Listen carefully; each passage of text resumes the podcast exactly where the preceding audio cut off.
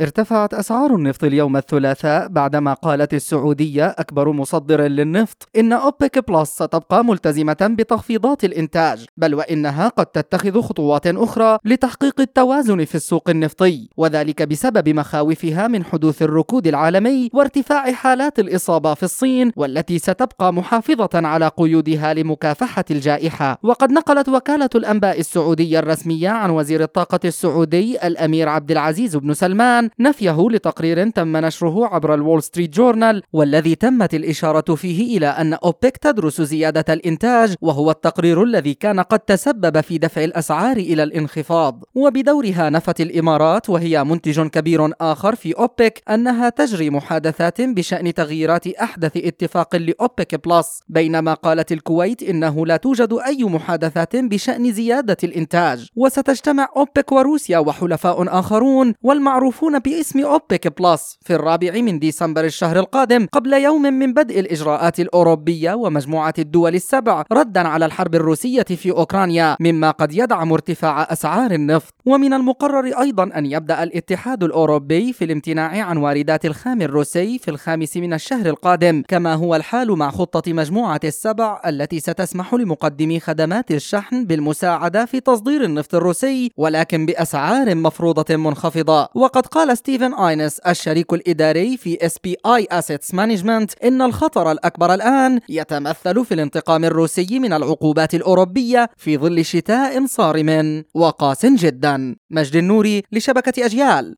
الإذاعية.